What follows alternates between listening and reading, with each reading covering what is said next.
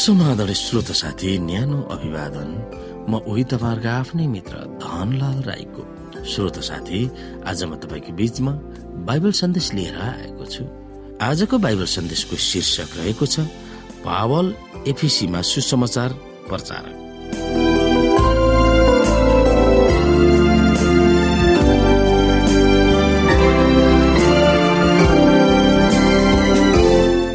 श्रोत साथी आफ्नो दोस्रो सुसमाचारीय यात्राको अन्त्यमा पावल एफिसीमा पहिलो पटक गएका थिए। त्यस बेला उनले के गरे? आउनु श्रोता हामी यहाँनिर प्रेरित अठार अध्यायको अठारदेखि हेर्न सक्छौ। यसपछि पावल धेरै दिनसम्म त्यहाँ बसे। तब भाइहरूसँग विदा भई तिनी जहाजमा सिरिया गए। तिनीसँग प्रिस्किला र अकिलास पनि थिए। कुनै भाकलको करारमा तिनले क्रिङ्कियामा आफ्नो कपाल खौरे।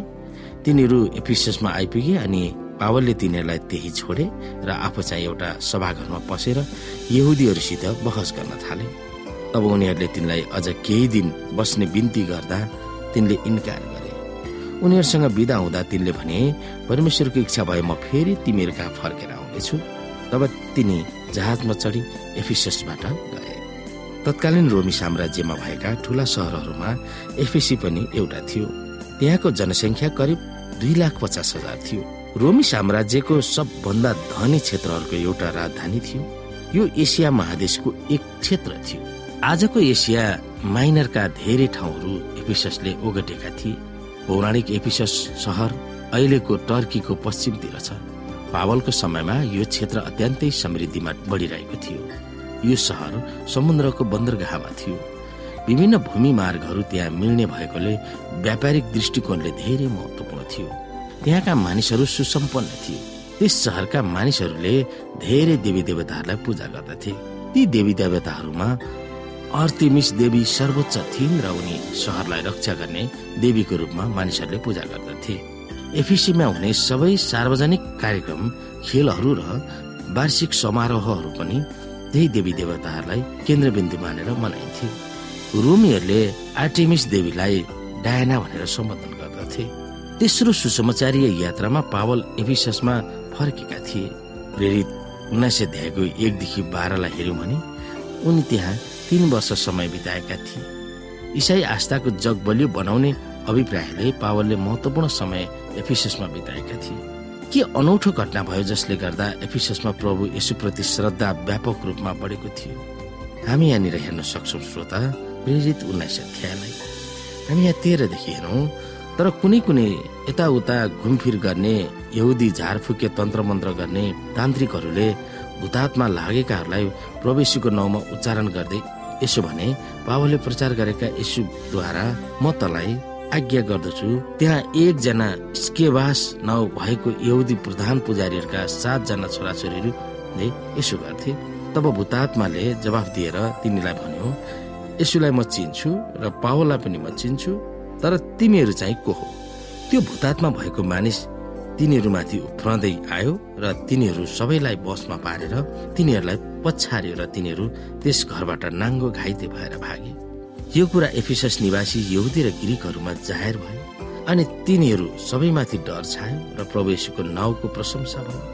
विश्वास गरेकाहरू धेरैजना आए र तिनीहरूले गरेका आफ्ना दुष्ट कामहरूको स्वीकार गरेर ती प्रकट तिनीहरू मध्ये धेरैजना जसले टुनामुना गर्थे आफ्ना आफ्ना पुस्तकहरू बटुलेर ल्याएर सबैका सामान्य चलाइदिए। तिनीहरूले तिनको मोल गर्दा पचास हजार चाँदीका सिक्काको हिसाब लाग्यो यसरी प्रभुको वचन फैलदै गयो र प्रभावशाली भयो। सहरमा झारफुक तन्त्रमन्त्र वा तान्त्रिक वा झाँक्री काम गरी घुमफिर गर्ने सातजना यहुदीहरूको बारेमा अनौठो कथा लुकाले बताउँछन्। तिनीहरूले भूत धपाउन वा दुष्ट आत्माहरू धपाउन यसु र पावलको नाउँ मिसाएर फु मन्त्र गरेका थिए। तर त्यो तिनीहरूको निम्ति अभिशाप भएको थियो। दुष्ट आत्मा लागेकै मानिस अत्यन्तै क्रोधित भएर जागेर ती तान्त्रिकहरूलाई नाङ्गो झार गरेर धपाएका थिए।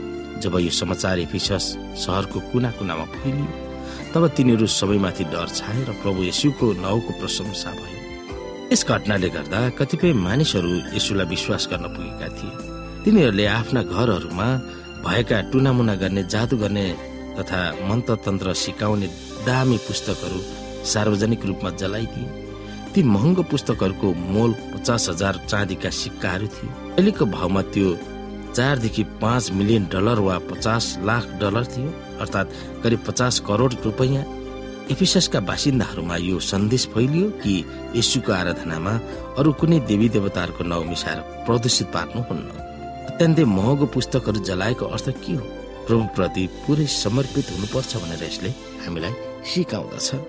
श्रोता साथी हामीले कुनै पनि खालको पुस्तकहरूमा समय बिताउनु र त्यसमा लाग्नु र त्यो पुस्तकले बताए अनुसारको जीवन जिउनु भन्दा प्रभुमा समर्पित भएर आफ्नो पुरा जीवन प्रभुको सेवा कार्यमा र बाइबल आधारित भएर जिउनु नै हामीलाई सबैभन्दा उत्तम कुरा हो भनेर यहाँ हामी सिक्न सक्दछौँ।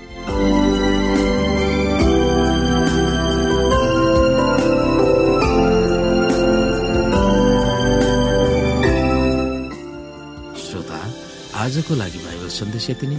हस्त नमस्ते जय मसिंह।